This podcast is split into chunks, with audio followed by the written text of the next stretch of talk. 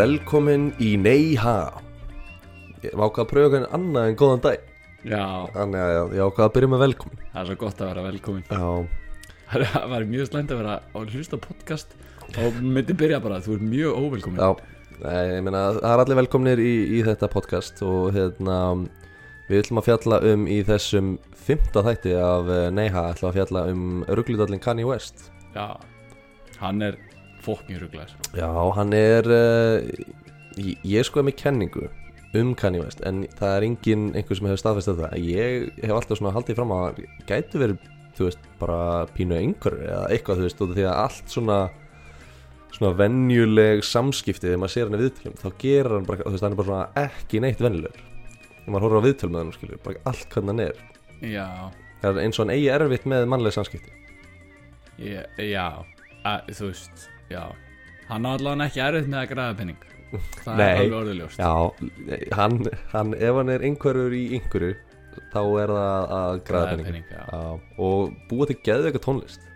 Það var ekki tekið af Kanye West að hann býti geggjaða tónlist. Nei, nema hann ég skil ekki hann Whoop-dee Scoop. Whoop Diddy Scoop? Já, hefur ekki heilt lægið uh, býtur nú leið mér að hlusta á Whoop Diddy Scoop. Whoop Diddy Scoop fann ekki neitt fyrir Whoop Diddy Scoop en ég skal á því. Já, þetta er einhver endir á einhverju lægi og hann er bara eitthvað Whoop-diddy-whoop Scoop-diddy-whoop-diddy-whoop bara í eina mínútu. Þetta er bara creative genius skilur, þú, Já, þú veist, hann er bara gjössalega þú bara skilur hann ekki skilur, hann er bara hann er bara way ahead of his time. En við ætlum að vinda okkur í þáttir velkomin í 5. þátt. Aftur á Neyha 5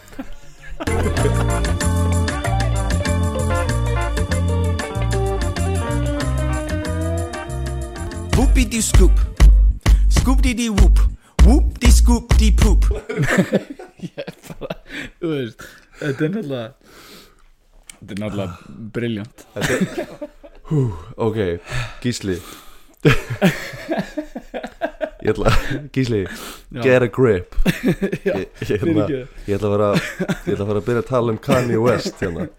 Já, ok, tilbúin já vissu þú Gísli? Býtu, erum byrjaði strax? Já, beti, ég er bara að byrja þér. Já, ok. Vissu þú að Kanye West heitir Kanye Omari West? Nei, nei, hann heitir Omari. Það er millinamni þess Umari Omari. Það er ekki, já.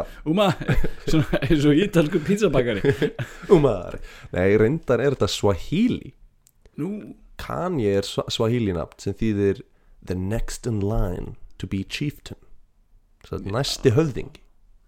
Og Kanye þýði það? Já, og Amari þýðir sá eini guð eða eitthvað sluðis Þannig að hann er eitthvað næsti Ú. til þess að verða höfðingi Næsti, næsti Jésús Næsti Jésús, eða eitthvað sluðis, skilur um, Og þú veist, ef við myndum segja þetta með afriskum reym þá er eitthvað, þú veist uh, Ok, ég ætla Allar að, allar að reyna. Ætla að reyna eitt besta. Kanye Omari West. Einhvern veginn mannig Ok, Var þetta ekki ágætt það? Þetta var flott. Ég, það var pínu svo híli í þessu. Já, En allavega hérna, Kanye West er hérna uh, það vissu einhvern veginn allir þegar er hittan þú veist, bara að væri bara á leiðinni á stjörnuhim mm. og hérna í fyrsta sinn sem Dave Chappelle hitti Kanye West þá var hérna Dave Chappelle svona meira að minna bara á toppnum á sínu ferli sko. Já, Dave Chappelle sem sagt sem er frægur upp í standari Já, Já. Sem uh, hann var ókslega frægur sérstaklega á nýjunda áratugnum uh, og var þá með sinni eigin þátt og var bara með bara flottustu, að þú veist, fyndnustu uppistönd í heiminum og svo datta svolítið af hérna svona, hann datt svolítið úr Hollywood þegar hann svona brann út út af því að hann var eða ofinsell og Já. fór hérna fluttið til Afriku allavega Ságæ, hann hérna hann var með þáttið sinn og hann var alltaf með svona tónlistatri byrjunum hverjum þætti það sem að svona svip ég held að sé tónlistatri alltaf á Saturday Night Live. Já, Jalen og Já, all- já, já, einmitt, það, það var eitthvað svona, þú veist, þannig hann var alltaf með svona tónlistatri og Kanye West átti að fá að vera með tónlistatri uh, í þættinum en þarna var hann ekki búin að gefa neitt út. Þannig að þú veist, það er einn vissingin hver hann var. Þetta er bara, bara post Nei, þetta er bara pre-Kanye West Já, í raun, en hann, þú veist, hann var svona, þú veist, að- hann var eitthvað byrjaðar að prodúsa þarna og var svona byrjaðar að, þú veist, Þreifaði fyrir sér. Já, byrjaðar að rappa og eitthvað, um, en svona var ekkert nafn, skilur, að vissi enginn hver hann var. Og hérna, þeir voru bara hann í kvikmynda tökur stúdíunu bara í góðu chili og voru, svona, og voru að hlusta á hérna Black Album með Jay-Z uh, sem Kanye hafði hérna uh, framleitt. Mm. og, uh, og í hérna albuminu þá segir hérna Jay-Z uh, Kanye you're a musical genius. You did it again. Og þegar það spilar þá eitthvað stendur Kanye upp og var ekki búin að segja neitt þú veist, hinga til. Um, og Dave Chappelle var hann að bara til og veist, stendur Kanye upp og segir bara stop the record. Og er bara ha? Rewind that shit. Play it again. Það er eitthvað ha og spóluðu tilbaka. Kanye, you're a musical genius, you did it again. That's right. Bara let spóla tilbaka hvernig bút, skilur Þannig að allir myndu hlusta á það aftur. Í þættinum bara. Nei, þú bara þú veist, þeir voru bara eitthvað að baksvið, skilur Já, chilla bara. Að bara og hérna Og Hann, hann er, hefur alltaf verið kokki Já, ég hef allavega mjög stort ego og hérna fór síðan hérna uh, á bakvið eitthvað og Dave Chappelle var eitthvað hei, ég ætla að bjóða ykkur hérna á bakvið og ég ætla að sína ykkur nokkra góða sketsa. Um, nokkra að finna sketsa og hérna og það- síndi þá Er það það sem þið kalla já, síndi sko síndi meðal annars hérna fræga Rick James sketsin áður en hann kom út, skilur þannig Já. að þeir voru að sjá efni sem hafði aldrei komið út áður. Já, þannig að var hann sínaði manna I'm Rick James bitch. Og það geði ykkur skets. Og hérna þeir eru kannan inn í klippstúdinu að, að horfa á hérna Rick James sketsin og, og ringi síminni á Kanye. Og Kanye er svona eitthvað, í síman eitthvað. Yeah, no, uh, no I can't. Cause I'm in the I'm in the editing studio watching shit that ain't even come up come out yet with Dave Chappelle. I'm watching some sketches Cause my life is dope and I do dope shit og skellt á og þá sagði Dave Chappelle bara á því, því mómentu þá vissi ég að Kanye fara að vera eitthvað, eitthvað stjarnar skilur bara, þú veist, eftir að hann sagði þessa línu bara Cause my life is dope and I do dope shit og skellti svo bara á og hann vissi að það komst aldrei að hver var hann í hinni línu. En í þessu mómentu þá vissi Dave Chappelle að Kanye var að fara að verða superstjarnar skilur stór hókall Já, hann var bara með, með rétta attitúti og hérna og hann alltaf var súpistefna skilur hann gaf út uh, hérna, þú veist fleiri plötur sem fóru bara triple platinum og bara grætti fyllt af penningum og svo hérna miklu setna þá er hérna uh, þessi saga er sér af Ninja sem er hérna í Die Antwoord. Uh, og Ninja hérna Gjallan? Nei, sér að gæin heitir Ninja, ég veit ekki hvað hún heitir hann að gæin sem er hann með tattooð í andlitinu og þú veist hún hann er náttúrulega Já. svo gott að fara hann að gellan. Já, þau eru öll alveg frekar skýri já, hann allavega uh, og það sem kemur svona aðeins óvart í fari hans er að hann er svolítið gangster. Að þú veist, hann talar Mm. svolítið um svona rapparana sem eru mainstream í Hollywood í dag að þeir séu svolítið búin að missa þetta gangster, þú veist, touch þeir séu bara svona al, Hver- al, alveg vettlinga núna, skilur Segir Kanye það? Nei, Nei, Ninja, Ninja. Segir það. Og Kanye, þú veist, hann er í raun engin gangsta, hann ólst ekkit upp inn en, þú veist, Hann var Ekki- ekki ekki reyndið húð nei, nei, hann, þú veist, mamma hans var eitthvað, Hann er ekki, hann er ekki búið að skjóta hann nýju sinum eins og 50 cent og... nei, nei, nei, þú veist, mamma hans var eitthvað háskólaprofessor og, og hérna, og þú veist, hann, hann ólst upp þetta með einstæri móður en hún var bara í fínum málum, sko, Tala, Sorry, ég verði að beigja hans út af. Talandi um það, það tala allir um að 50 cent hafi verið skotin nýju sinum já, En hann var samt bara skotin einu sinni og hann bara fekk nýju skotsar. Af því að hann var skotin eitthvað í einhverju drive-by með úsi e, Það er svolítið lélegt að, að þú veist já, það hann hleymi það skilur hann að verið skotin nýju sinum hann, þú veist, ég held alltaf að bara ah, pff, og svo bara viku setna þú veist, og hann var alltaf að lendi í þessu. helstu alltaf það, Já, ég held 100% að það er bara verið. Skotin nýju sinnum, ekki skotin einu sinni nýju sem, nýju sinnum, eða þú veist. Já, svo að hann hefði ekki hlotið nýju skotsár. En hann var samt ekki skotið með úsi hann var samt skotið með skambissu. En gæið, þú veist, skautan eldan uppi, skautan okkur sem í bakið að hann eitthvað, þú veist, laðist nýr á stjættina eitthvað skautan okkur sem í bringuna og síðan ætlaði hann að skjóta hann í hausinn og skautan sem sagt, bara þú veist, var eitthvað að skjóta og svo kom einhver eða eitthvað. Þannig að hann skaut hann í hausinn en var ekki að horfa og skaut 50 cent í andlitið. Og einhverjum fucking rugglum ástæðan liði 50 centið af. Uh, en byssukúlan í andlitin hans satt, hún lá föst einhver staðar hann í tungun hans og í kjálkabeininu. Og ammans þess að hann að læknir sagði að ef þeir fjarlægðu byssukúluna að þá hérna þá gæti 50 cent lamast í kjaftin og þetta láða hann bara eitthvað utan einhverju taug og allt virkaði eins og það var núna. En þú veist, ef þeir myndi fjarlæga byssukúluna þá myndi bara 50 cent kannski lamast í kjaftin og gæti aldrei tala eða rappa aftur. Þannig að amman sá bara neð, þú veist, leiði byssukúluna vera í eitthvað það er eina góða sem hann har gert í lífið sitt það er að rappa. What? Og Þannig- bara óundibúin bara BAM, neldir í þessa sögu. Já, já ég var eins og 50 cent bara fanboy. Nei, þetta er bara í alveg, þetta, þetta er bylið saga sko, og Já, hérna, ég heyrði þetta að hefði verið eitthvað svona drive-by úsít Já, uh, 50 cent sko rappaði allar sína plötur með byssukúli í kjæftur Já, það er, það er en svona var hann að negla út úr sér bara Hann byrjaði að selja crack cocaine þegar hann var nýjar En það er ekki maður sem við erum að tala um í dag.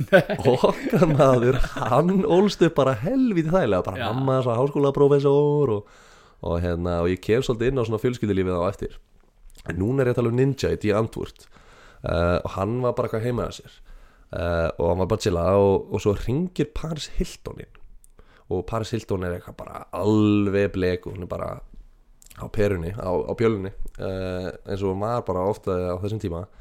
Og er bara eitthvað hérna hún er bara eitthvað ninja, bara hvað það gera? Eitthvað, hvað það- chilla? Og er eitthvað facetime hann, skilur þannig að, og, og ninja hvað, er þetta, Paris Hilton hann bara upp í rúmi sofandi. Hún bara hvað það chilla, hvað það chilla með okkur? Og, og svona baku Paris Hilton er Kanye West eitthvað, "Ú, ú, hvað er þetta, ninja? Og svona, ú, nice.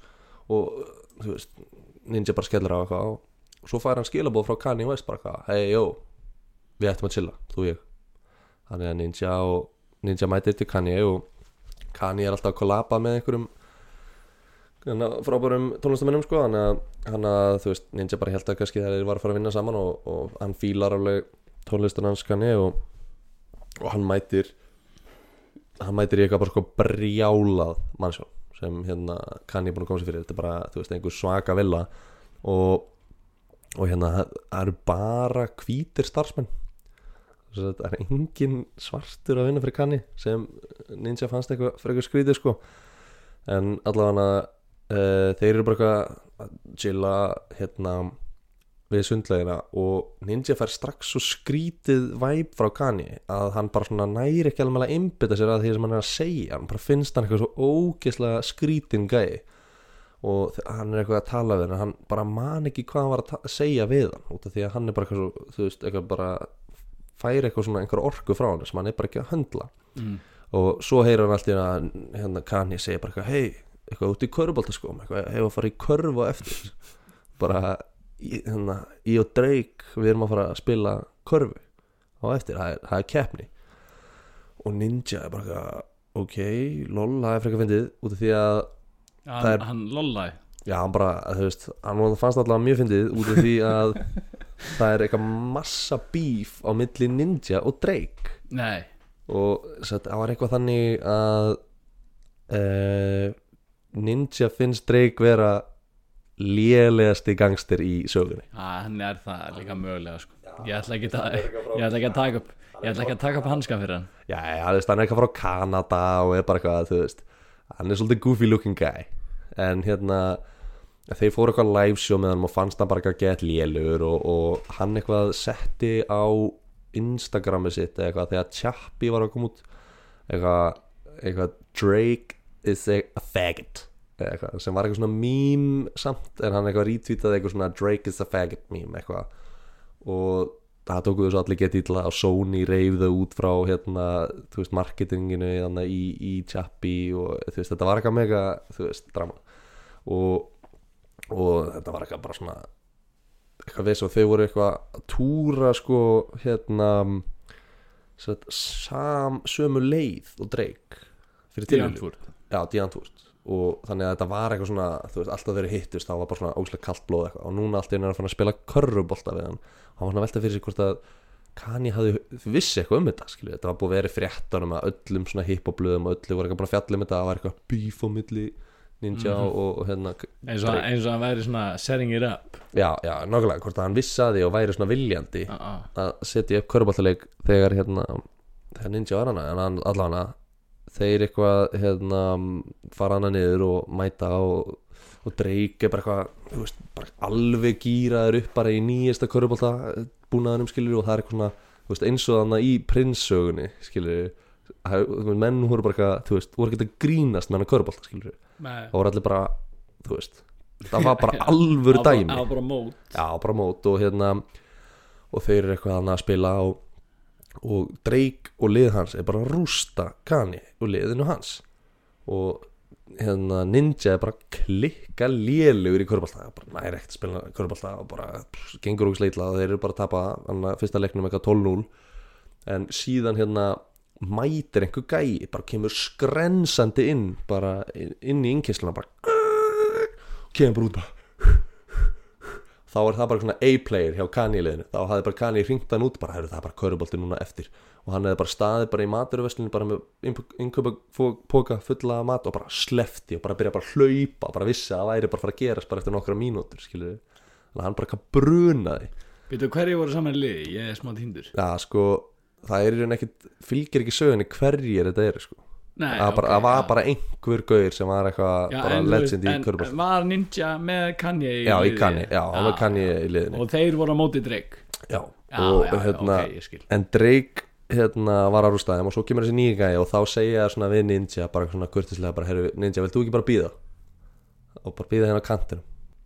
Og Ninja býður eitthvað á kantinum og þeir eru bara að spila bara svaka körubólta og, og hérna Kanye er alltaf svona hendi svona eins og sér svona þeir eru alltaf að spila körubólta sem krakki það er alltaf svona eitt krakki sem er alltaf að pröfu einhver svona svaka move. Alltaf svona eitthvað svona taka svona svaka snúningi eitthvað ring og eitthvað. Já, já, svona mistakst alltaf. Já, þetta alltaf. Og þannig var Kanye að spila. Hann var alltaf að hendi eitthvað svona þú veist, kotnís með snúning og, svona, og alltaf mistakast eitthvað. Nema náði því einu sinni og þá var hann bara I'm the greatest the greatest to ever live. Og var eitthvað rosa mikið. Og svo einhverjum ástæðan var eitthvað löguruglu þyrla alltaf að fljúa yfir eins og eitthvað væri að fara að gerast. En allavega þeir enda því að vinna körbáltalegin svo þetta ná að snúi svo alveg við. Mm. Kanye vinnur og er eitthvað svona mega sáttur eitthvað nin- Ninja á bekknum. Já, Ninja bara á bekknum og hann fer tilbaka og eitthvað. Og þeir fara hann í stúdíu og fara beint að horfa á Star Wars.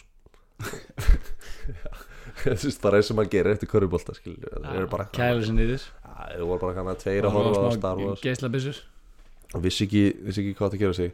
Og, og hérna Ninja byrjar svona að reyna að snúa samaraðanum svolítið í að fjalla um tónlist skilur út af því að hann var svona sem ég að vona að það væri ástæðan fyrir að hann væri komin ángað Korki spenntu fyrir Köruboltarum Nei. Ég er Star Wars. Nei, og hérna og Kanye West eitthvað svona, er svona á sjónvarpið og svona eitthvað, skipta og svona, og setur hérna á bara klám og bara svona einhver gæla að, rí, að láta ríða sér raskatið. Og er svo bara eitthvað, já, betur, sorry, hvað segirðu? Og hérna, og Ninja bara what, what the fuck, eitthvað. Og það er bara analklám á skjánum, bara í risastóru stú, það bara risastóru skjá í stúdíónu og Ninja bara svona uh, já, ég ætla að fara að tala um tó- tónlist. Og Kanye bara svona horfa á skjá bara svona, já, svona eins og hann væri bara svona pæl í þessu, ekki eins og hann væri bara svona, ó, ég er svo græður, hann var bara svona hmm, eins og hann væri bara svona eitthvað að hugsa hmm. Ah. og Ninja er bara, "Ah, ok, what the fuck. Og Kanye rífur svo upp síman og hérna ringir í Travis Scott og það er bara eitthvað sem er rappari ah. líka. Og hérna ringir í Travis Scott og er bara eitthvað svona hei Travis eitthvað, hérna, hvað í stúdíu maður hérna, ég með ninja hérna á mér og það er eitthvað gott chill, bara mætti í stúdíu og hérna skellir á hérna Travis og snýr sér að ninja og segir hérna fílaru bananabúðing. Og ninja bara ha fílaru bananabúðing. Og ninja bara bananabúðing? Sko um hvað er hann að tala? Er hann að actually að tala um bananabúðing? Eða er þetta eitthvað svona er þetta eitthvað linga skilju? það er rassakláma sjó, í sjóharfinu Hann er búin að ringja eitt það gauði er bara viðbót. híkja eitthvað viðbúta skilju fílaru bananabúðing. Og hann er bara svona skiptur um umræðefni byrja bara að tala um eitthvað annað. Snýr út úr með bananabúðingin og Kanye eitthvað tröflaðast og, og síðan mætir Travis Scott og Travis Scott mætir og það fyrsta sem hérna Kanye spyr Travis Scott þegar hann mætir hei Travis, fílaru bananabúðing? Og Travis bara já, ég fíla bananabúðing. Og hann bara, já, geggja maður Kim var að búti bananabúðing, fyrir maður að fá mjög bananabúðing. Og þeir fara bara inn í eldús og það var bara bananabúðingur skilur sem Kim Kardashian bara búið til og þeir bara og bara actually að fá þessi bananabúðing og Ninja bara, what the fuck, hann bara tala um bananabúðing. Eða þú veist, hann bara tala um bara búðing með bananabröði og þeir eru eitthvað að borða hana og svo er bara svona þögna sem Kanye og Travis eru báðir í símanum. Ninja fer bara eitthvað að vaskar upp. Bara eitthvað, þú veist, aðalsöngarinn í í andvörði bara ah, tj, tj, tj, svo bara eitthvað beilaði hann bara, fór bara, bara lættist út og fór bara heim og síðan var svona stundu Kanye að senda hann um SMS eitthvað svona, hei, eitthvað við ættum að chilla aftur. Og hann þorði aldrei að fara aftur til Kanye. Þetta er bara svona Ú. eina skipti sem hann hitti Kanye West. Shit. Var svona skilur Vákama, vákama þetta væri skrítið. Já, já. Það er hérna Because of the implication. Yeah, because, of the, because of the implication. En hérna við vorum að tala um hérna mömmu Kanye. Og eins og ég á þá er hún hérna háskólaprofessor. Og hún sem sagt flutti til Kína til þess að kenna og tók Kanye West með sér. Þannig að Kanye er að hann var 10 ára gammal flutti til Kína og bjó í meira en ár og var reybrennandi í mandarin. Þannig að Kanye West að bara shu shao king swap ha he ha. Við, kunni bara mandarin sem er klikkað, hann er enda að segist núna það er enda bara mjög impressive mandarinn hérna. Já, já, takk fyrir, ég er búin að vera að æfa hana sko, ég vinn í túrismannum Ég var bara, wow, þetta var, þetta var ekki bull. En hérna um, já, þú veist, hann segist núna muna voðalega lítið sko, út af því að hann, þú veist, það var bara eitt ár og hann var bara tíu ára eitthvað. um, en hann fílar hérna kínverskan kultúr alveg mjög mikið og bara dýrkar Kína eða, þú veist, Sorry, að ég spyr, mammas akkur, þú veist held hún hafi, þú veist, hún kennir ensku eða eitthvað, Já, þetta já, var eitthvað þannig sko. Ok, uh, en var í einhverju bara rosa flottu flottum háskóla í Kína sko, Ah, að kenna ensku. Ok. Um, en einu sinni þá hérna fór sagt einhver paparazzi upp að Kanye West. Og Kanye var svo brjálar hann hérna tók myndan hans og bara hendin í jörðinu, bara smallaði hana og bara ætlaði að gangi skrokka á hann var bara alveg múin að koma sér fullt satan Ég frækt YouTube myndband, þegar ekki? Bara, hann bara það er það enda mörg fræði YouTube myndböndu af hann um að, að brjálast út í paparazzi sko en en þetta er eitt og hann bara neglið myndalni og bara trillist og, og lögregla mætir á handtökur. Og hann er bara í jailinu og hérna og eins og gerist ja, Þetta er ekki Kína, þetta er bara þetta er í þetta er í bara Já, þetta kemur svona kemur af Já, hverju ég er að nefna Kína, já. Kínasöguna sko. að þetta er bara í bandaríkjunum og hérna að er bara settur í jailið og fær hérna símtalið sitt. Þú fær alltaf eitt símtal til þess að ringi í lögfræðingin eða aðstanda það til þess að þú veist uh, láta vita þér. Þetta velja, hvað þú ætlar að ringi en, en Kanye West hann ringdi bara í Chinese takeaway og, og pantaði kínverska mat í jailið Banda á kínversku Já, já, það bara Shit, hvað það segi og, bara pantaði kynverska mat í jailið og ringdi aldrei í neitt sem skipti máli. Þannig að það tók smá tíma fyrir kona þess að koma að staði að hann væri í fangilsi skilur hann eitt í samtalið sinni bara Chinese takeaway. Og setna var hann líka handtekinn fyrir að hafa stólið prentara það er gjössalega steikt því að hann er alltaf mjög ríku gæði Það hvað var, var hann ekki fyrir að stóli prentara? En hann held því samt fram að lögreglan hafi svona racially profilaðan skilur svona, ég veit ekki hvað íslensku Já, já, bara það. af því að hann er svartur þá hafa þær klíndi á hann að hann Já, hafi verið að stela raun, þetta væri eitthvað svona ra rasismi sko, eða svona racial profiling. Já, að hérna að hann hefði stólið þessum prentara sko, ég veit ekki af hverju maður myndi stila prentara. En allavega þá hérna já, af hverju ekki? Þetta, var bara, þetta er allavega ein, einsagan á honum og uh, talandi um svona fræg myndbönd á honum þá muna pottit allir eftir einu frægasta myndböndi á Kanye West þegar hann neglir sér upp á svið og rýfur mikrofónuna Taylor Swift. I'm gonna let you finish. Já, I'm gonna let you finish. Já, en Beyoncé er með besta myndböndi það dæmi allt. Já, já. Já, hann sem sagt á Grammy velunum uh, fyrir lungu síðan sko, það var 2004 eða 2005 eða eitthvað. Æ, ég, ég er ekki alveg með árið á hreinu. Þetta er alltaf frekar það langt er síðan. ekki svo langt síðan. Jú, þetta er nefnilega, að kannski var þetta þegar við það- vorum í mennskóla. Nei, nei, nei, þetta er kringu 2012 sko vegna að þetta kemur í framhaldi af plötunni hérna What's the Throne? Hún kemur 2012 eða eitthvað svo já, nei, Þetta er eitthvað stað þar. Út af því að þegar hann segir hérna I made that bitch famous sem er eitthvað bíf sem er setna þá er það til þess að en það skiptir ekki allir máli fyrir söguna. En hérna, þetta er allavega hann frekar land síðan. Hann allavega hann stekkur upp á svið rýfur mikrofónuna til að svift og segir hérna I'm gonna let you finish og segir Kanye, nei hérna Beyoncé should have won the best music video. Mm. og Taylor stendur bara þarna á sviðinu bara eitthvað what the fuck? Og þetta er svona sögur sem allir þekkja. En það sem er svona bínu fyndið við söguna er að Kanye West hafi aldrei séð nýja heyrt tónlistamindbandi hjá Taylor Swift. Þannig að hann hafi aldrei eins og tjekka á því og sagði ekkert mann setni viðtali að hérna hann var á einhver svona einhver svona þú veist, fjölmiðla íventi eitthvað svo leis uh, þar sem hann var settur við hliðin á Taylor og í hátalarunum eða eitthvað svona nálagt Taylor þá var verið að spila myndbandið og lægið hennar sem hún vann fyrir. Mm. og hann satt hann á eitthvað svona og var bara svona "Ah, ok, þetta er bara þetta er bara geðut þetta er bara mjög nes þá, þá hafði hann aldrei tjekkað því. Fannst það svo bara mjög nett.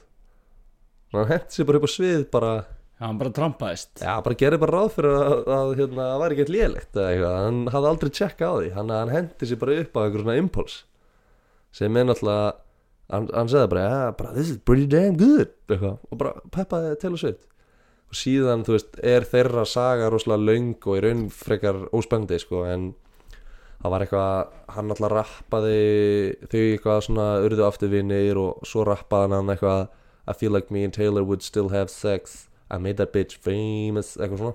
Uh, og hún eitthvað vildi halda því fram að, að veist, hann vildi halda því fram að hann hefði fengið grænt ljós frá henni fyrir en hún vildi halda fram hún hefði aldrei heyrt þetta.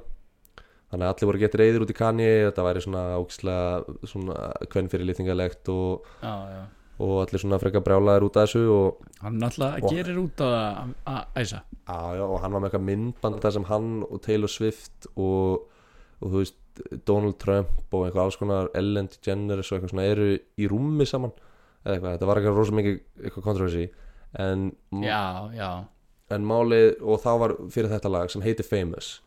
Og hann hérna Var þetta ekki bara plötu cover eða eitthvað? Neða, Já. þetta var bara svona stutt myndband. Uh, þú veist, bara svona það sem að vera svona pana yfir allt rúmið. Já, en allavega þá uh, hún held í fram að hann aldrei heyrt þetta.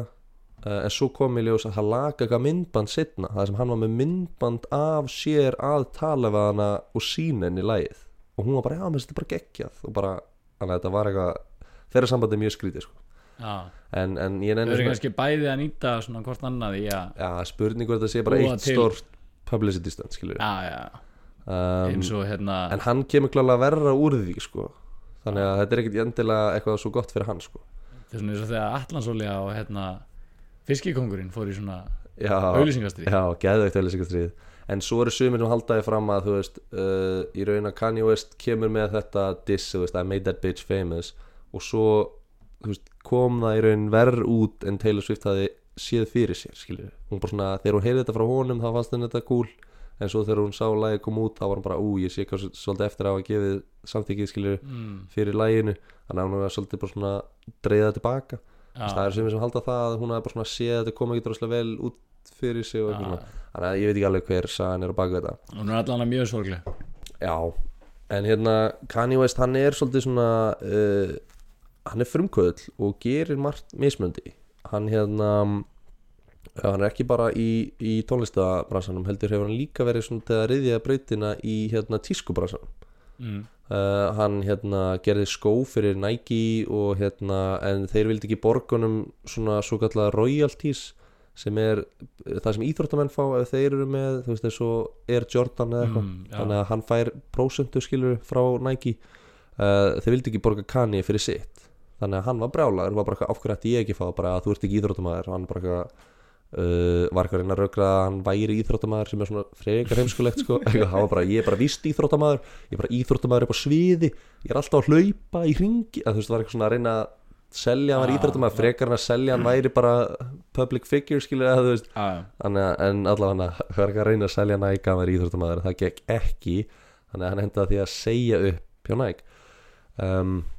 og fór þá yfir til Adidas og þar hannaði hann þess að fræðu skóðan það Yeezys sem urðu svo bara mest seldu skór allra tíma Já. og bara seljast bara 3-4 dollara parið eitthvað að, og hann fær royalties frá Adidas já. þannig að það var alveg svona mikil tekju uh, Já, svona kannski e ekki mest seldu heldur eftir sóttistu vegna þess að það er framlega bara eitthvað x mikið og Já, já, jú, það er rétt Já. eftir, eða, þú veist, eftir sóttustu og, veist, og mikið til af svona gerfi að er minnst og líka bara hans skór þannig að þessir Yeezys bara um, voru rosalega mikið hérna, brautriðindur í þessum sneakers brasa, þú veist breyttu í raun bara svolítið svona götudískunni sko. þannig að hann er svona með pínu hvað maður að segja hann er alveg áhrifavaldur þegar kemur að tískunni sérstaklega þá göttudískunni og eitthvað. Uh, og er svona, vill vera með sitt eigið hérna, merki og allt svona.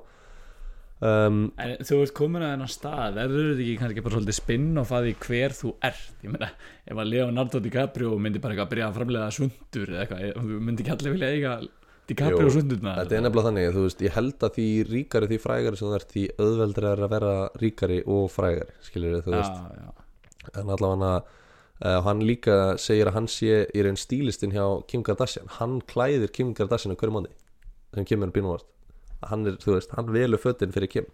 Já, en hérna, en svo kemur sagan hérna sem tengist tískunni svolítið frá Kevin Hart og hérna hann er sér þannig að hérna Kanye West á að hafa hitt Louis Vuitton í Ítalíu og Kim og ok. Já, eh, hérna, og Kim og Kanye voru þar eitthvað að skipleggja brúðköpi sitt sem hérna átt að fara fram í Flórens og Kanye bara eitthvað þú veist, stóra aðdáðandi og bara fyrir upp á Louis Vuitton og, og hann er bara hundgamall gæi, skilur, hann er bara Hann bara gamall reyfur held gamall gaur. Hann er eitthvað að nálgast 87 eitthvað. Og þannig að ég held að hann hafi stopnað Louis Vuitton bara eitthvað rétt eftir heimstyrilduna eitthvað, hann er bara eitthvað fucking gamall gaur. En allavega hérna uh, Kanye er bara svona að tala við hann og bara, ú, bara var geðveikt þú veist, ég væri til að vinna með þér ég væri til að, þú veist uh, búa til eitthvað, eitthvað línu, þú veist, Kanye Louis Vuitton eða ég, ég væri, þú veist, allavega þú verður allavega að koma að heimsækja mig næst þegar þú ert í Los Angeles.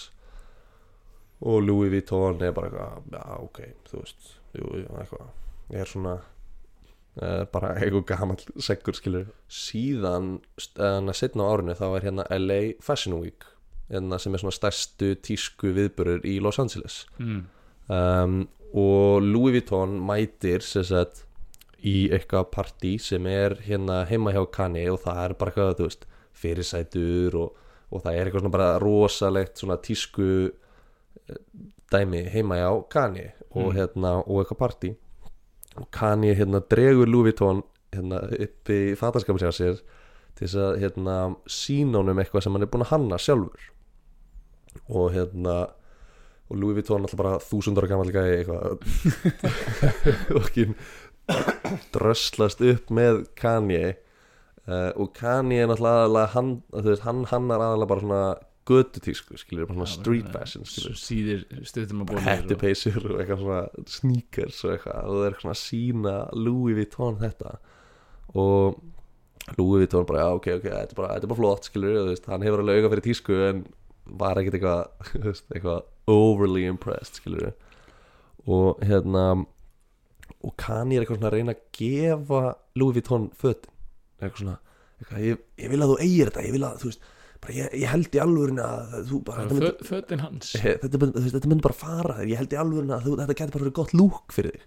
Og eitthvað að selja Louis Vuitton sem er alltaf bara í grunn jakkafötum skilur rándýrum að hann ætti að ganga í fötum á Kanye West og Louis Vuitton átti bara að hafa farið fokki mikið að hlæja skilur, bara hló fokki mikið fannst þetta bara út í höll og það fylgir ekki sögunni hvað Louis Vuitton sagði almennilega en alltaf að daginn eftir og það er þegar hérna, Kevin Hart færa sög þá hérna var hann að mæta heim til Kanye og þeir voru bara að fara að chilla.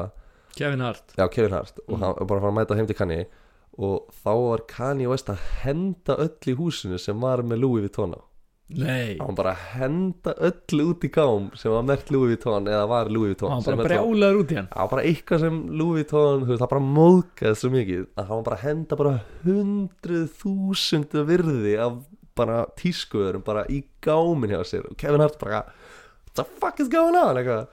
Og hann sagði hann um skilur söguna bara að, þú veist það bara og, já, hann sagði eitthvað if he won't wear my shit why the fuck should I wear his shit og svo reyndar uh, dó náttúrulega Louis Vuitton bara einu og hálfu ára setna og því að hann var alltaf bara alltaf gammal og þá tweetaði reyndar Kanye með fallegum hann. Þannig að hann var kannski búin að grafa exna þá. En Já, hann var alltaf mjög reyður út í Louis Vuitton á þessum tímpoti já, hann var ekki ánað með. Nei.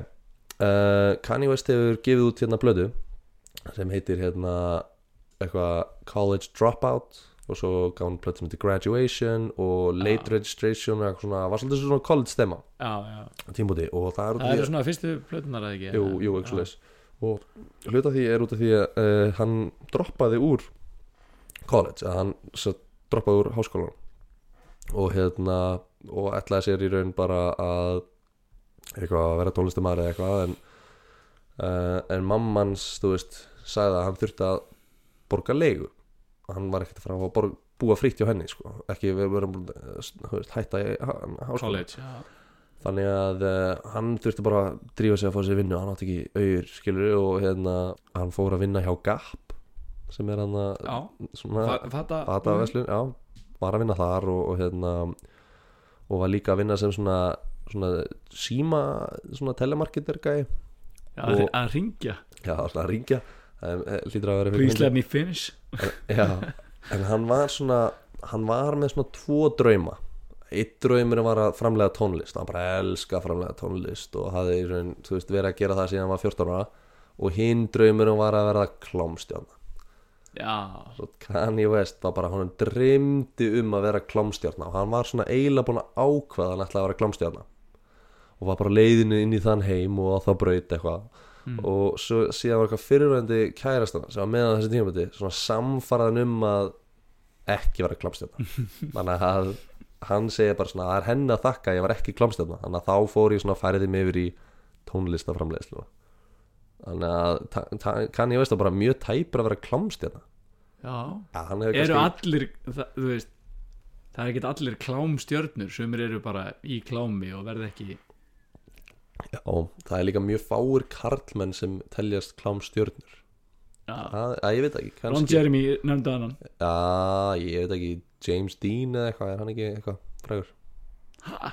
Það er ekki leikarinn, það er einhver klámstjarnar sem heitir James Dean. ah, Bara 1920, bara svartkvítar Nei, það er einhver, það held að sé einhver klámstjarnar Svo er einhver að hann heitir ekki einn að Long Dong Silver. Jó, Já, Long Dong Silver maður Þetta er svo fjölskylduvænt hérna podcast hjá okkur, Já. bara svona ef þið er að hlusta, googlið endilega allt sem við erum að tala um. Já. Það finnst mér bara flott. það er bara holt internetið er vinuðin Æ, shit. En allavega þá hérna uh, áður en að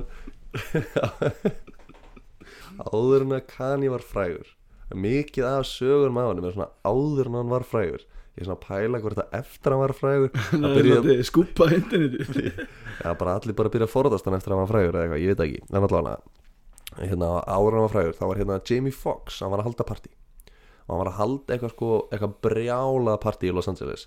Jamie, já, hérna Já. Ray Charles, hérna, Jamie Foxx. Já, nákvæmlega, einmitt Ray Charles og, og hérna hann, hann hefur leikið í mörgum góðmyndum Hugsaði smástund Michael J. Fox sem að leiki í Back to the Future. Já, nei, já, hann var Jamie Foxx hérna, hann, hann, já, Django maður uh, geðegmynd um, hann var alltaf að halda eitthvað partí. Hann var að reyna að sína Puff Daddy að, hérna, að hann væri að eyða of miklum peningum í sitt partí. Því að Puff Daddy var eitthvað partíkungur á þessu tíma og var eitt, einn og hálfri miljón í sitt partí. En Jamie Foxx var bara, ég ætla að halda jafn gott partí fyrir 400 dólar Bara nei, það meikir ekki sens, getur það ekki. Svo ég held að bara eitthvað geðveikt partí fyrir 400 dólar hann bara með KFC og yeah. en Jamie það Foxx er ábygglega algjör fucker. setti það á okkur fancy disk og síðan var það bara með coke and bombaði í könnu og þetta var bara eitthvað good shit party og hérna því að það er aldrei að góð partí þegar þú væri kók í könnu sko. það, og voru bara gett margir sem voru ekki það frægir þá sem mætti þetta partí en urðu svo bara allir rísa þú veist, hann var, þetta er hérna áður en að Pharrell Williams var frægur hann var í partíinu. Jay-Z var svona on the rise en ekki orðin frægur hann var í þessu partíi um, og hérna og Jay-Z dró með sér lítinn strák sem var hérna eitthvað, fókið feiminn og það var Kanye West hérna sem var heldur ekki neitt frægur var ekki búin að gefa út neitt. Og hérna Byrju, há, hvernig var Jamie var Jamie Foxx bara frægur? E, þarna? já, já, greinileg, ég held að Jamie Foxx hafi verið einhver uppistandara áður en hann var kvikmyndalegari eða eitthvað, hann var eitthvað frægur. Það er ekki alveg hérna, fylgir ekki alveg sögur sagt, uh, hann er annar mættur og, og hann er ennþá, veist, með hérna, kjálkan sinn víraðan saman, sagt, Kanye West lendi í bílsleysi sem drapanesti og möllbrauti hann kjálkan Byrju, hæ, er þetta hliðasag Já, þetta er eiginlega hliðasaga, þetta er ekki hluta þessari sögu en svona, það verður eiginlega góð fylgja. Að hliðasagan er þannig að Kanye West var bara búin að vera, þú veist, framlega alla nóttina og bara gett þreyttur og var að keira heim og hérna lendi í stórhælli bílslýsi þar sem hann möllbrauti sér kjálkan og bara möllbrauti sér bara mörg bein og dónesti og þú veist þess að munnur hans voru alltaf að fyllast af blóði út af því að hérna, það blætti svo mikið í kjæftinum á honum. Og þeir þurftu hérna læknanir bara að púsla saman kjálkanum hans. Og hann er, ef þú sér myndir hann ungum og eldri, það er bara þú veist, andlitið hans bara allt annað sko, þú veist, hann brotnaði það illa í andlitinu. Um, og hann fekk svona beatbox hérna, að lélegt orðið yfir þetta en þetta er svona drumbox held ég að heiti frekar sem er eitthvað svona einhver svona um, Svona, kassi með svona gummi á. Tökum, já, já. Og hann fekk þannig upp á spítala hann áfram að framlega eitthvað meðan hann var bara eitthvað rústaður. En já, þetta er líða að hann mætti þannig til Jamie Foxx hann var ennþá í því ástandi. Sem sagt, var komin á spítalan menn var þetta bara kjálkin allir vestu saman. Og hérna og hann segir eitthvað svona uh, Jamie Foxx fyrir eitthvað heilsur upp á Jay-Z og svona að blessa, að blessa þér og, og hérna, bara hvað krakkið þetta? Bara hvað er þetta bara heru, þetta er hérna, þetta er nýji stú- nýji gæn, new guy on the block. Þetta er Kanye West maður. það er bara, tjekka á honum, hann er að fara að vera frægur. Og hann fyrir að tala við hérna, Kanye West. Og Kanye West er bara svona uh, yeah, uh, Jamie actually, uh, yeah I'm a rapper. Um, uh, actually I have this song. I'd love for you to come and uh, you know uh, we could record it in the studio sometime later. Og Jamie er bara herru, ég er bara með stúdíu hann er bara í húsinu, græðum þetta bara núna. Og þeir fara hana, inn í bakkarinn hjá Jamie og fara inn í stúdíu hjá honum og fara hérna að taka upp og er að syngja hérna uh, gammal þreitjálslag sem er hérna hérna You give me money. Gold Digger.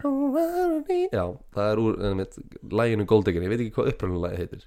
Jú, Það heitir líka Gold Digger. Já, heitir Ah. Gold Digger. Ok, þannig allavega þá fær hann hann að syngja og Jamie Foxx hefur frekar góða söngvar þannig að hann byrjar bara svona syngja með svona R&B rödd og hann er bara eitthvað svona You give me money when I'm in need. Eitthvað, eitthvað mega slaufur á þetta.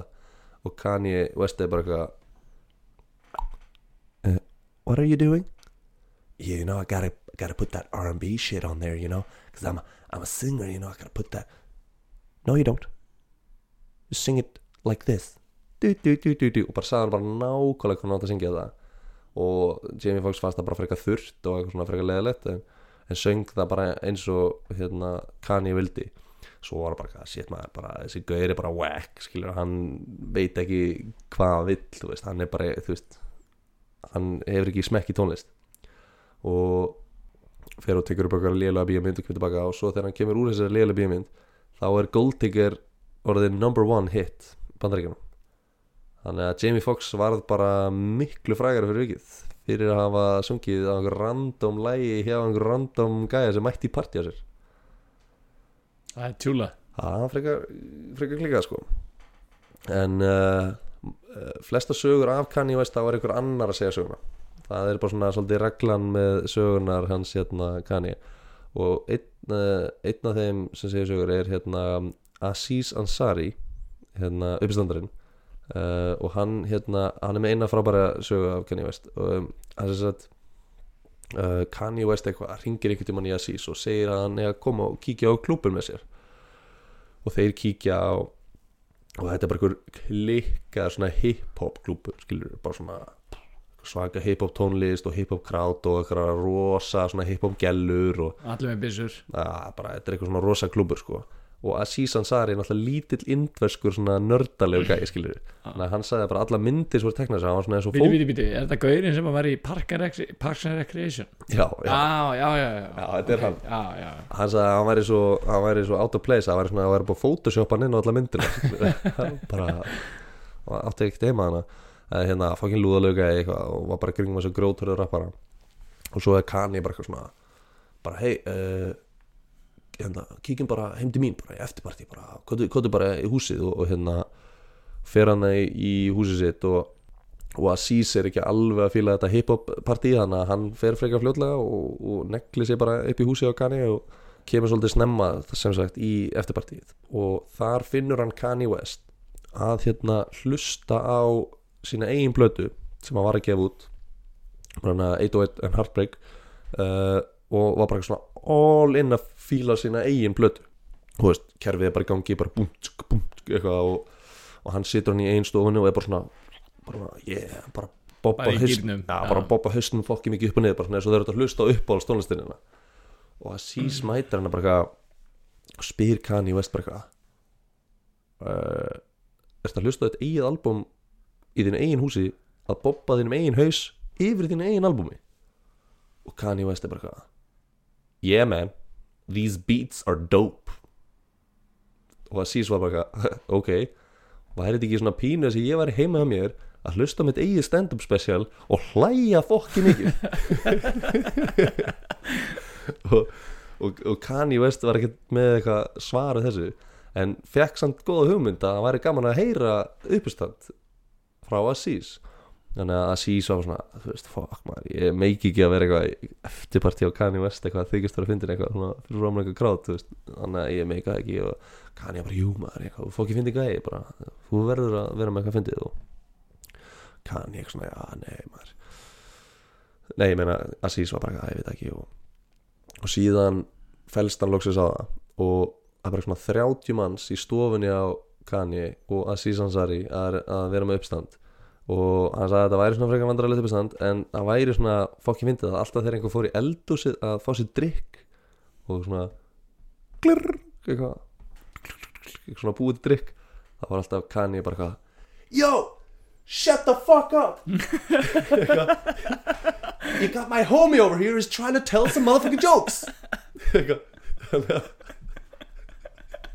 það var alltaf svona trubla setta sem við að segja allum að þegja.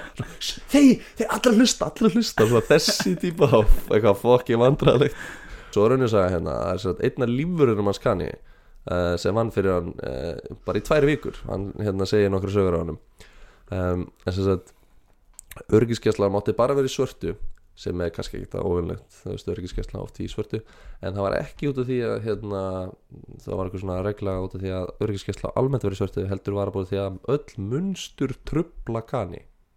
Hann bara trublast að bara Teinótt að bara drullar út já, hann er bara eitthvað hann er bara svona eins og ljó- ljónið sem sér sebrahestir hann bara skilur ekki hvað hann er að sjá skilur, þannig að það, það virkaði ekki, það má ekki vera í og síðan hérna voru þeir einhvern veginn að fara upp í stúdíó og hvernig er það heima hjá hann bara, já, ég veit ekki. Þetta er bara svona móno skilur er bara flota golf og meina, hvíti veggir. hann er bara einhver dólgur og, og hérna þeir voru eitthvað að fara upp í stúdíó og lappuðu inn í liftuna og stóðu bara í liftinu. Og þá spyr Kanye lífurinn bara ætlir ekki að taka og lífurinn bara uh, jú, hvað hæð viltu fara og hann bara stúdíóhæðina. Já, ég, ég, ég veit ekki hver stúdíóhæðin er ég, ég var bara að byrja. Okkur hringdir ekki að fokkin undan og komst að eitthvað stúdíóhæðin var? Þetta eitthvað þroskaður? Og hann bara eitthvað aha já, já bara þú ert að ringja undan koma staði hvað hæði vorum en þú getur ítt að taka. Og lífurinn bara eitthvað ok, það eru þrjú option. Nummer eitt þú ítur að taka hann nummer tvö, þú segir mér hvaða númer það er og ég ítur að taka hann. Já, nummer þrjú, við stöndum bara þetta í liftunni kann ég bara eitthvað Það er nummer 8 Það var ekki nautaðir Eitt lífurinn var rekin eftir að hafa snert hans Kanye þegar hann var að reyna að koma Kanye í gegnum eitthvað krát sem var fullt af paparazzi. Hann snerti svona hans var svona leiðan í gegn. Og Kanye bara ég vil ekki láta snerta mig úr rekin. Ha, ah. Vá maður. Og svo líka hérna uh, einu sinni var Kanye að Hvað er búin að reka Kim Kardashian oft? Já, nei, ég meina Svo var Kanye einu sinni að reyna að komast inn í vittlust hótelherbyggi og öryggisverðin var að reyna að stoppa hann og reyna að útskýra að hann var að fara inn í vittlust hótelherbyggi og hérna hann var bara eitthvað Don't you know who I am? I'm Kanye motherfucking West og þeir eru bara, já, já, ég er bara veist, þetta er bara, þetta er bara ekki þitt herbyggi sko, þetta er bara, þetta er bara vittlust hótelherbyggi hann bara, doesn't fucking matter. I'm Kanye West. Þeir eru bara, nei, þetta er ekki það er ekki þitt herbyggi sko. að þú veist, við getum ekki bara hleyftir í öll herbyggi og þú ert Kanye West. Og hann bara, don't you know who the fuck I am? Don't you know who I am? Og þeir eru bara sorry maður. Og náttúrulega hleyfti hann ekki inn í eitthvað herbyggi sem þeir voru ekki með aðganga að skilur að hann var bara brjálar það skildi ekki bara hleypa hann inn sem var bara klála ekki hans herbyggi. Ú, hann er alveg á Hann er ruglaður. á veruleika fyrir bara. Já, og síðan hérna samt einhvern veginn með ekki sömu innistæði eins og til dæmis prins nei, Þú veist að því uh, uh, veist Rugglaði bíl Gera fram hjá En En já. því að prins var alveg að þeim staða Þú veist, hann var alveg svona Þú veist, sem í eitthvað svona guðatölu sem að svona kannski já, að, að, já. veist, að bara kúltúrin er öðruvís í dag heldur en að vara á þessum tíma ég veit það samt ekki þú veist, þú veist, í bandarækjunum þá er svona dýrkun á celebrities já, bara klikkuð sko, þú veist, bara, þú veist, fólk bara sér hann og bara alveg fær flóg eitthvað skilur mm. þannig að ég er svona skilur að hann horfi á sjálfa sig í guðatölu en, en mun, þú veist í, í raun er sko um, hann er alltaf að segja sjálfur og hann, hann sé nettur og guð skilur, Já, hann, já. skilur en, en munurinn á hann, prins er ekki, hann er ekki hógvær. Nei, prins var bara að hegða sér eins og hann væri guð, skilur það er svona svolítið munur, þú veist hann er alltaf bara svona, ég er guð og prins var bara alltaf svona, ég vil fá gírafa og þeir eru bara, klukkan er fimm það er bara, mér alls saman anything is possible if you put your mind to it. Já, já, já. skilur þannig að svona, það er svolítið munur já, nei, það var hérna, þau veitar sem sagt, uh, öryggisverðinu voru ekkert tíma að labba niður gang, voru að spjalla saman og Kanye West labbaði fremhjá og, og hérna, þeir voru bara að spjalla saman og þá sagði Kanye West eitthvað Do you guys mind not talking when I'm walking past you?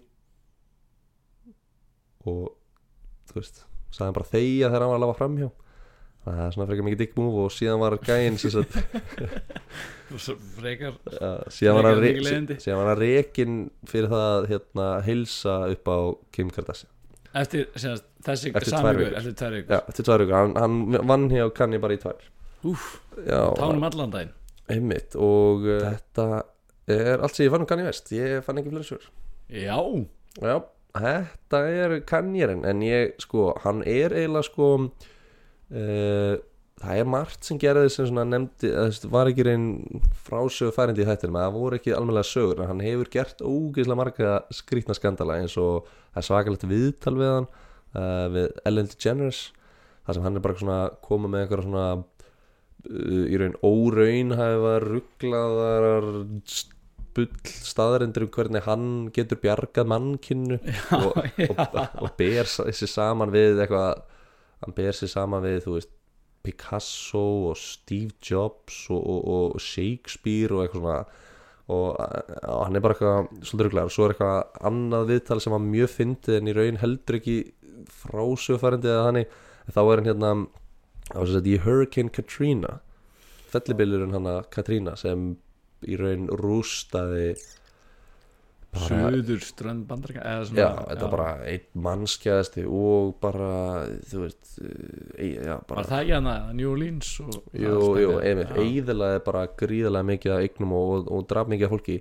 Og þeir, hann, hann og Mike Myers hann, Austin Powers. Já, ok. Þeir eru saman hérna í svona viðtali að þú veist, þeir eru svona, þetta átt að vera svona skemmtilega svona fjár, Svona fjáröflun. Dagur Rauðanefsins já, svona, já, svona fjáröflun. Og Mike Myers eitthvað er eitthvað uh, yes, uh, and our hearts are all with uh, the families um, of, of these people who have been in this terrible tragedy. And if you could find it in your heart to donate we will make sure that money gets put to good use. Svo panar myndalinn yfir til Kanye West og Kanye West er bara eitthvað George Bush doesn't care about black people. Og svo bara þögn. Og Mike Myers er bara eitthvað what? og, og Kanye West átti að vist að hafa sagt við Mike Myers eitthvað uh, rétt fyrir þetta þá segir hann við Mike Myers bara eitthvað uh, I'm gonna ad-lib uh, just a little bit. You know, just go a little bit off script. Og Mike Myers eitthvað svona, já, ok. Og hendi svo bara í þetta. Hann var ekkert eitthvað að nefna það við hann að hann fara að fara að ásaka bandreika fosseta um, að vera rasisti í Já. beinni skilju beint eftir eitthvað einhver söfnunarsjómurpi fyrir hérna, eitt mannskjaðasta fellibilasliði skilur bandaríkisögunar já, ég er bara aðeins að fara pínu off script. Og ef þið tjekkja þessu myndbati uh, því að þetta er nú ekki hluta af þessum sögum sem ég var að segja uh, þá þá er sko andlitið á Mike Myers þegar, þegar Kanye West segir þetta. Það er bara ef þú er einhvern tímann síðan mann í sjokki panik. Já, svo. Hann er, hann er bara eins og, að hann detti pínu í svona Austin Powers karakter hann er bara eitthvað svona full on panik sko en já, ógíslega fyndið. Uh, en já, þetta er söguna þannig að þú þarft að gíska upp frá þessum. Er alltaf frekar frækt líka hérna þegar að hann var, var ekki á Twitter hann alltaf verið með fjáröflun? Já, að segja fólki að leggja inn á sig eða eitthvað hann var aðalega að heita á Mark Zuckerberg að leggja inn Já, já, Mark Já, hann vildi- fá 1 miljard frá Mark Zuckerberg út af því að hann væri í raun uh, áhrifamesti og mikilvægsti listamaður okkar tíma. Já. og að listamenn eins og hann ætti að fá fjár til þess að geta stundar list sína. Stundalissina, já um, eins og bara gamla systemi sko, in the renaissance þegar, þú veist, Michelangelo og þessi gaurar voru náttúrulega bara að fá pening frá kirkjunni bara til þess að Mála. ja, til þess að mála. Og voru náttúrulega mest að bara mála kirkjur. En uh, já, en ég með kvót, sko, í raun það var, uh, var svolítið erfitt að grafa upp þessar sögur, ég þurfti að grafa mjög djúft þess að finna lang flestra sögur og Já, hlusta á mikið af viðtölum og, og, og finna horfður á, mikið grein horfður á eina heimildamind Já, ég þurfti að horfa á heimildamind fyrir þetta maður og hérna en það er ógeðslega auðvelt að finna kvót eftir Kanye West, hann er náttúrulega Twitter kongur Já, og hérna hann er einn af mest hérna uh, followum á Twitter. Já, og, um, og hann er líka bara með svo mikið að gullgóðni, hann kemur bara ykkur viðtali og segir bara eitthvað bull þannig að það er raun ekkert svona saga en hann bara segir bara eitthvað vitlis en allavega eitt við en að eitt kvót hérna er endar svo við vitir lígi, þannig að þú ætti líka að gíska á kvót ok, ok, ok. Um, ok, en kann ég veist að henni viðtali I tell people that I am God. And people come up and say who does he think he is? I just told you who I think I am I think I'm God. That's who I think I am. Að þetta er eitt gott eftir hann Já. uh, og svo Sturlaður svo var eitthvað annað gott eftir hann Why do you think niggas in Paris is called niggas in Paris? Because niggas was in Paris. Þetta er annað kvot Svo segir hann hérna I am Warhol. I'm the number one most impactful artist of our generation I'm Shakespeare in the flesh Walt Disney Nike Google. Og mér finnst þetta góð svolítið fyndið því að hann svona byrjar að uh, byrja sig saman við svona merkilega menn eins og Warhol og Shakespeare og, og hérna, Walt Disney og eitthvað þú veist, ég veit ekki hvað Walt Disney er mikill áhrifamaður en síðan bara svona man hann ekki fleiri og byrja bara að segja Nike og Google og eitthvað. Þannig er bara svona þekkt Já, nafn Nike, uh, Google uh, uh, DHL iPhone. Um, Svo er það með hérna eitt uh, I hate it when I'm on a flight and I wake up with a water bottle next to me and like, oh great, now I gotta be responsible for this water bottle Já, þetta er ekki kóta hann þólir ekki hann að vaknar í flugvél uh, og endar því að vera bara ábyrg fyrir ykkur vasslösku sem við settum liður uh, hún finnst það byrjandi svo er hann með kótina Sometimes I get really emotional over fonts. Mm. þannig að hann verður rosalega tilfinningulega yfir, Þrunginn. yfir leturgerð þegar við litur gert já. já, svo er hann hérna með hmm, já Steve, Steve Jobs hann var, er hann líka þannig? já, hann var svona litur kall sko. ah, ok. Síðan er hann með hérna eitt quote I don't like bananas man. Some fucking boomerang looking fruit. I only eat oranges. Ánæg með banana pudding. Já. kannski þarf að vera í puðring hann fílar ekki hann fílar ekki að lítur út þessu boomerang. Það er allavega. Og svo eitthvað sometimes I push the close button on the elevator uh, on people who are running towards the elevator. Sometimes I just need my own elevator.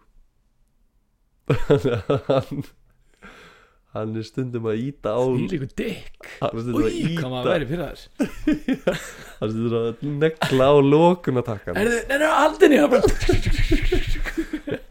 I just need my own elevator sometimes. Já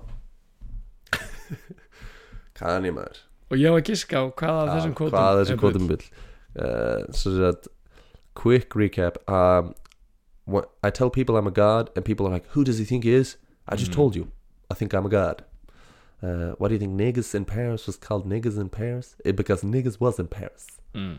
uh, Warhol uh, yeah, Shakespeare Og svo bara Nike, Google ah, og hérna eitthvað I hate it when I'm on a flight eitthvað wait next to a water bottle eitthvað now I gotta be responsible for this goddamn water bottle. Uh, svo bara eitthvað sometimes I get emotional over fonts. Og svo eitthvað I don't like bananas. Eitthvað boomerang looking fruit. Uh, og svo er hann með hérna sometimes I push the close button on the elevator. Because I need my own elevator sometimes. Herðu ég ég ætla ég ætla að skjóta á bananasöguna. Stingur stúfið bananabúðingin já það er rétt hér ég, ég fattaði ekki ég, loksins? Já, ég glimti í bananabúðingnum. Skeist. Glimti bananabúðingnum sko. Arnar þú skeist. Já, eða kannski verður bara að triksa ú já. Því að núna þarf þetta að giska hvað saga er bull. Já. Ú. Ding, ding, double ding whammy. Herru, förum í gegnum þetta snöggvast. Uh, Það er svo að Dave Chappelle hitti Kanye West og fann, komst að þegar hann var stjarna þegar hann sagði Because my life is dope and I do dope shit. Og hann líka hlustaði á sinni eigin plötu og let spóla tilbaka. Mm, já. Síðan var það Ninja í D. Antwoord hann uh, fór til Kanye West og Kanye West bjöði með körfubolta við Drake. Mjög skrítin heimsók og mjög skrítið heimsók þar sem hann horfði á Star Wars og Rassaklám uh, og síðan fekk hann bananabúðing og fór heim uh, síðan flutt hann til Kína með mömmu sinni í ár og talaði mandarinn og Shushan King Hua sem sagt endaði á því að rústa myndarlega á einhverjum paparazzi og fór í jailið og í stað ringi ringi pantaði Chiny Pantaði Chinese takeaway og var setna líka ásakaðar um að hafa stóli prentara en vildi meina lögreglan væri að racial profiling reysa blófræðing já. Já.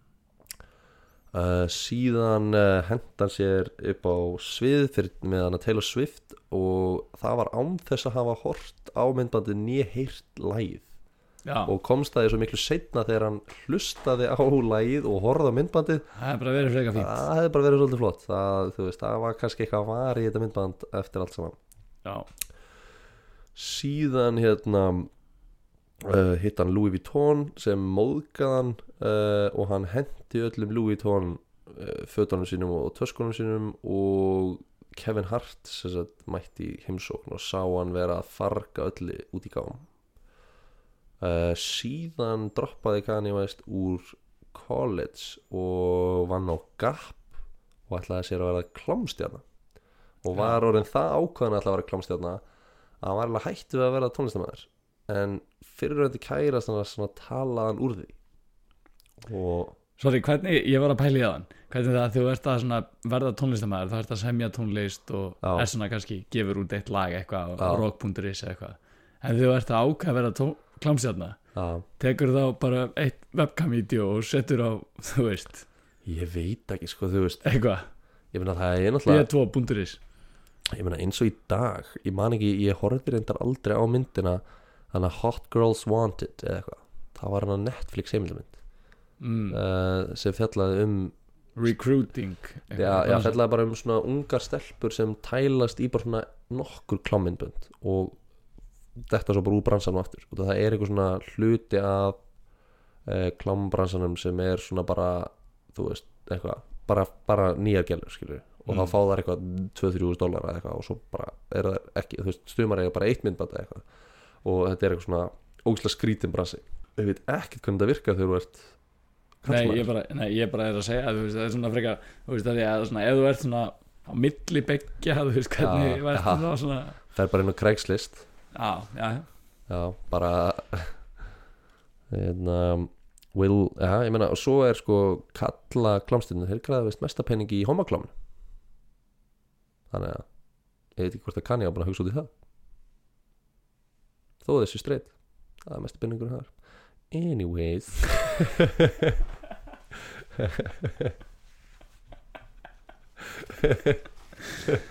Og næsta saga. Og næsta í saga. ríkapinu uh, það var hérna Jamie Foxx að halda partí. Og það var bara Puff Daddy og það voru Jay-Z og þú varst með Pharrell Williams og, og Kanye mæti þar og, og sagði bara Jamie að þegar og syngja þetta bara eins og hann var. Þó að hann var bara engin já, og hérna og söng uh, Jamie Foxx söng þannig að þannig að Gold Digger hlæðið já, síðan var það Aziz Ansari uh, var búðinn með Kanye West á hip-hop klúb og hérna endaði heima hjá Kanye þar sem Kanye var að hlusta á sin ein plötu í sin ein húsi og var að fíla það eins og hann væri bara sin eigin number one fan. Já, og, um, og endaði svo að gera vandralegt uppustand í stofunans þar sem Kanye var bara Yo, shut the fuck up. Eitthvað, My homie's trying to tell some motherfucking jokes over here. Og, Ja. og það var svona stoppað alltaf svona stemningun í uppistandinu hans en hann sagði samt að það hefði verið eiginlega besta. Og síðan voru það eiginlega bara svona samasagna lí- sögur af lífverðinu hans sem hann bara segja svona margar smásögur hvað Kanye er klikkar og meðan þú ert svona að láta þetta krumlast þá langar maður að koma inn á eina sögu sem gerist í raun ekki fyrir sko Kanye heldur Kim. En tengist náttúrulega beint á Kanye út af því að hann er maðurinn hennar. Já og þau deila öllum upplifunum 50-50 Já um, En náttúrulega þú eru rúglega heyrt þetta þegar hérna, Kim Kardashian lendi því að vera hérna rænt. Niggas in Paris. Já, í Paris. Já, Já. og þetta er alveg miklu klikkar sagan en ég held um, hann er í tónleikaferðalagi í Fraklandi og er hérna að syngja í sviði og tveir vopnaði menn brjótast inn á hóteli sem eru, sem er eitthvað ógislega flott hótel og vita að Kim er þar. Halda receptionistunum á hérna bara gunpoint skilur þvinga þá til að hleypa sér inn í herbergi hjá Kim sem er þar bara, þú veist eitthvað, ekki miklu fötum um, og þeir haldinni niðri með byssum og hérna teipana saman, þú veist, teipa hendunar te teipa lappinar öskra á hana, vilja fá peningin skilur og hún er bara ekkert með það mikið pening á sér, hún er bara með rétt um þúsund dollara á sér. Um, og hún uh, sem sagt panikar eitthvað, heldur bara sér að fara að deyja og er eitthvað grátt beða þessi gæðum að drepa sig ekki. Og þeir eru ekkert rosalega ánægð með hvað þeir eru búin að fá lítið úr þessu. Þannig að hún gefur þeim giftingarringin eða trúlófunarringin sem Kanye gaf henni sem var risastór demasringur metin upp á fjóra miljóni bandrækjadala og hérna síðan voru hann dregin inn bundin saman inn á baðherbyggi og hún var bara að sagði og hún var bara orðin full, fyllilega undirbúin til það að þeir var bara að fara að nöðka sér og eða drepa hana. En þeir uh, eftir að fengi hringin bara drulluðu sér í burtu og þetta í raun hafði rosalega sálræn áhrif á Kanye West. Og hérna ég var að lesa um þetta, þetta er svolítið áhugavert sko, sumir hei, halda eiginlega að Kanye West hafi hlotið hérna gæðkvarf eftir að þetta gerðist og hafi svolítið svona bara fengið svona eins og maður slettir á einsku mental breakdown eftir þetta, það virkilega rugglaði í hann og hann hafi ekki verið hann og geta varið konuna sína. náttúrulega frekar klikkað sko. Og hérna og að bara þú veist, þetta- podcast er að að enda gett alvarlegum nótum en þú veist, þetta er alveg, þetta er alveg saga verið að segja, eftir þetta þá byrjar í raun sko, þetta gerist held í 2016 lók 2016, byrjar 2017 eða eitthvað. Og það byrjar rosalega mikið af þessu svona rugglaðasta ruggli sem Kanye gerir ofinberlega kemur í kjölfar af þessu sem er svolítið áhugavert. Þú veist, viðtalið við Ellen uh, hann rantaði á einhverju tónleikum þar sem hann dröllaði yfir Jay-Z og Beyoncé sem eitthvað endaði þeirra vinskap þeir eru búin að vera vinni frá uppaði uh, hann fór setna og byrjaði að styðja Trump bókslega mikið um, og var með eitthvað yfirlýsingar sagði að slavery was a choice mm. og sumir haldaði fram að hann sé bara í raun bara gengur ekki lengur heill til skógar skilur hann hafi í raun bara semi mist vit og þurfi bara á virkilega mikillir sálarætni aðstóð að halda en út af því að þetta er svo hraðu bransi og að ég fær engin breyk skilur hann er ekki bara, hann, hefur farið til sálfræðings og hefur, er á einhverjum livjum sko.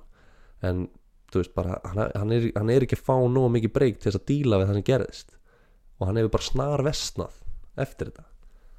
Þannig að það gefur svolítið svona insýn í mannin það er svona að fyndi stundum að hlæja munum hvað þeir eru klikkar skilur hann, hann er kannski bara á jaðri geðrófs.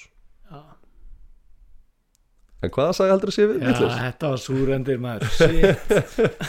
já, bara svona, mér fannst já, það nei, nei, þetta er hellu þetta er hella pælingar Já, ég var, þú veist, þegar ég var að grafa eftir sögum, þá náttúrulega langaði mér að- helst að finna eitthvað sem svona fylgir svolítið svona tónunum í þessu podcasti, sem er svona fyndnar og léttar sögur af einhverjum grillum túristum sem er að, nei, túristum hérna túrist það var verið túrist að Já, einhverstaðar já, já, en eh, bara einhverju grillu svona frægu fólki sem hafa gert eitthvað grilla en það reyndist svolítið erfitt með Kanye sko. já, og mikið af sögunum hans ég fann ótrúlega margar sögur það sem hann er bara eitthvað skilur, já, nennir ekkert að hlusta á tíu sögur og hann um að vera leiðileg við annað fólk sko. nei, nei, nei. Uh, herjú, það er einsaga hérna. Uh, á ég ekki að giska? Og gíska og svo kemur bónusögun ok, bónus? Mhm. herðu, ég er búin að vera að hugsa þetta sko það, það mér veist sko tveir mm. það var tvær sögur sko, frekar, frekar tæpar. Mér finnst hérna Jamie Foxx hann. Mm. þannig að við erum með stúdíó og þeir tóku upp lagið bara í bakkaran þessu já, mm. bara í partíinu. Já, mér finnst það svona long shot. Já, svo var einhver hann af fyrstu sögunum sem að mér fannst frekar tæp ok, fyrsta saga, saga nummer tvö held ég. Fyrsta Chappelle, nummer 2 er Ninja. Þrjú, Flutið til Kína með mömmu sinni. Já, já, það. Mm. og hann pantaði kínamætt í fangilsi Já, sko, já. Ég er náttúrulega, ég hef ekki hugmynduð að hvort hann tali Mandarin Chinese sko. Nei, Hann hann, er- hann gerði ekki lengur. Hann er Nei, hann hætti eftir Kínamatinn. hann náttúrulega var tíu ára skilur Já, hann man ekki mikið sko. En hann, En hann hann, kunni það. kann að meta matinn allan Já, með damatinn og var einu sinni bara Shusha, my name is uh, Kanye West Who ka question quay. Þú veist alltaf að flagga að kínveskunni sem hún kann Já, já sjáta þetta Kína. Við erum að reyna Við erum að reyna að vika hlustendahópin hérna. Ég ég ég ætla bara að vera djarfur Mm. og ég ætla að skjóta á það að hann hafi komið með samsömaðan kjálka í partí til Jamie Foxx Já, og sagt honum að grjóta halda kjátti og syngja þetta bara eins og hann vildi. Ok, ok. Um, Þessi saga er því miðugisli Sönn. Ha? mm Þetta er Sönn saga uh, Þetta er geðveikt viðtal við Jamie Foxx sem hann segir frá þessu og Jamie Foxx segir frá þessu miklu fyndnar en ég. Og hann er svo góður að herma eftir öllu fræga fólkinu sem er í þessu partí. Og þetta var bara legendary partí. Um, Þú gískast satt líka eitthvað annað. Já, með kínvesku Já. og hérna og fór í fangilsi fór í fangils og fann það kínamat og stál prentara líka kannski. Já, og stál prentara. Uh, það er líka satt Það er líka satt. Já, það var kvorugt Þú gíska á rétt kvótan, ég gef þér það. Hálft stig. Ok, Það er me- mesta sem nokkur, nokkur manni hefur tekist í þessu þætti. Já, af okkur þeimur En uh, það er sem sagt tískusagan er Ó, já, ég var líka pæla í því. Já, Ó, Louis Vuitton. Jöfnvel, hún var samt eitthvað meikaði samt svo mikið sens. Já, sko, er, hún er stráð með hindum. Já, æ, ég veit það Louis Vuitton fættist 1829 og dó 1895 Hæ? Já, Louis Vuitton er bara 150 ára gamalt fyrirtæki. Eða mei, meira, það er bara eitthvað eldfokkin gamalt fyrirtæki. Og var að búa til eitthvað hestatöskur og eitthvað shit back in the day, svo er þetta bara eitthvað búið að þróast í eitthvað geðveikt Já, tískufrænd uh, hann er líka franskur en Já. var samt í Ítalíu. Já, ég vissi hann það hef- franskur. það hefði nú samt kannski ekki verið eitthvað Vá, ég hefði alveg geta haldið að Louis Vuitton var að því að þú veist eitthvað Johnny Versace eða eitthvað svona, þú veist, þetta er allt eitthvað bara svona einhverju gamlir gaukar núna Já. eitthvað. Ég er enda að vara að googla þetta Ég, ég glimti reynda Versace. Ég var að googla mikið þessum gæjum. Og var að reyna að finna einhvern sem var ekki alveg að fokkin gamall og Louis Vuitton. Uh, en, en þeir dóu allir þú veist, Gucci gæjin, hann dó 58 Já, um, Prada gæjin, hann dó eitthvað Þú veist, 40 og eitthvað þrjú Þetta var eitthvað, allir, allir, allir gæjina sem stofnir þessu fyrirtæki Þeir eru döðir sko. já, ok. En ég var búinn að skrifa eitthvað rosa backstory hérna En svo ákvæði svona að reyna að strá ekki of miklu ofan á þetta sko En ég var búinn að skrifa hérna að, að hérna Louis Vuitton var að framleiða hérna töskur fyrir franska herin og eitthvað að stopna þetta 1945 og eitthvað svona. Kom eitthvað svaka backstory eða þú skildi spurja mig sko. En já það var allt bull maður. En um, já bara þetta var þátturinn Kanye West. Já, og bara ég veit ekki hann var svolítið öðru í sín ótum en hann var Já. mjög áhugaður ég nefnilega það komið svolítið óvart, ég var svolítið bara að búast við að þetta væri bara svona Nicolas Cage 2 Já, þú veist, og það, fyrir mér var hann bara svona rugleika en svo er þetta kannski bara svona einhver gæi sem á kannski svolítið erfitt og þú veist, ég held að sé bara ef þú myndir fara að yfirheyra alla í kringum hann þá myndir þú fá bara tonn af fyndnum sögum já.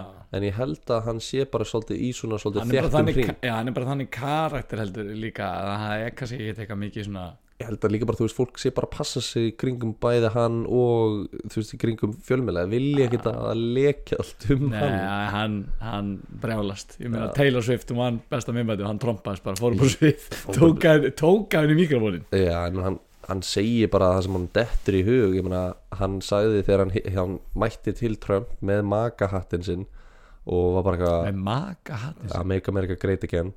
Þannig að Já, bara með mynd af Kim Kardashian. Er það maka hattur? Nei, já, maga Nei, hann að M-A-G-A hattin mætti þannig og var bara eitthvað svona uh, Donald Trump var bara eitthvað, Kanye, thank you very much for coming.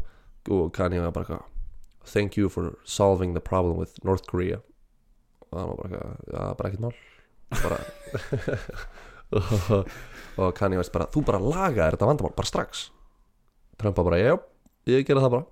Og Kanye bara, já Þetta var bara, það var bara að fara að detta í gang stríð. Þú bjargaði mögulega miljóni já, lífa. vá, þetta er svo ógeðslega skrítið samtal hann Já, og þetta var bara fyrir framann svona 20 ljósmyndara fyrir framann, þú veist, miljón mann slæðum, skilur og Kanye West bara, yeah og þú veist, bara, þú veist, alveg veruleika fyrstur. Og Donald Trump, jafn veruleika fyrstur. Og þeir voru bara að klappa gurum á Bara baki Class of the Titans. En hérna, fun fact um Kanye West er að við það að hann stutti Donald Trump þá hækkaði fylgi svartra við Donald Trump um 50% What? þannig að bara við hans ofinbæra stuðning á, þú veist þannig að fóru því að vera þrýr svartingar í sex á þessu nótum þá ætlum ég að klára þetta og fara á bara podcast hjá okkur. Já, við þakka fyrir öðru stuð áttur en vennilega en bara skemmtlur, já, fróðlegur. Þetta þarf ekki alltaf að vera eins. Þetta þarf ekki alltaf að vera eins. Ekki eins og bara dagurum minn sem er alltaf Eins. Alltaf eins. Alrighty, rú, herri á þeim nótum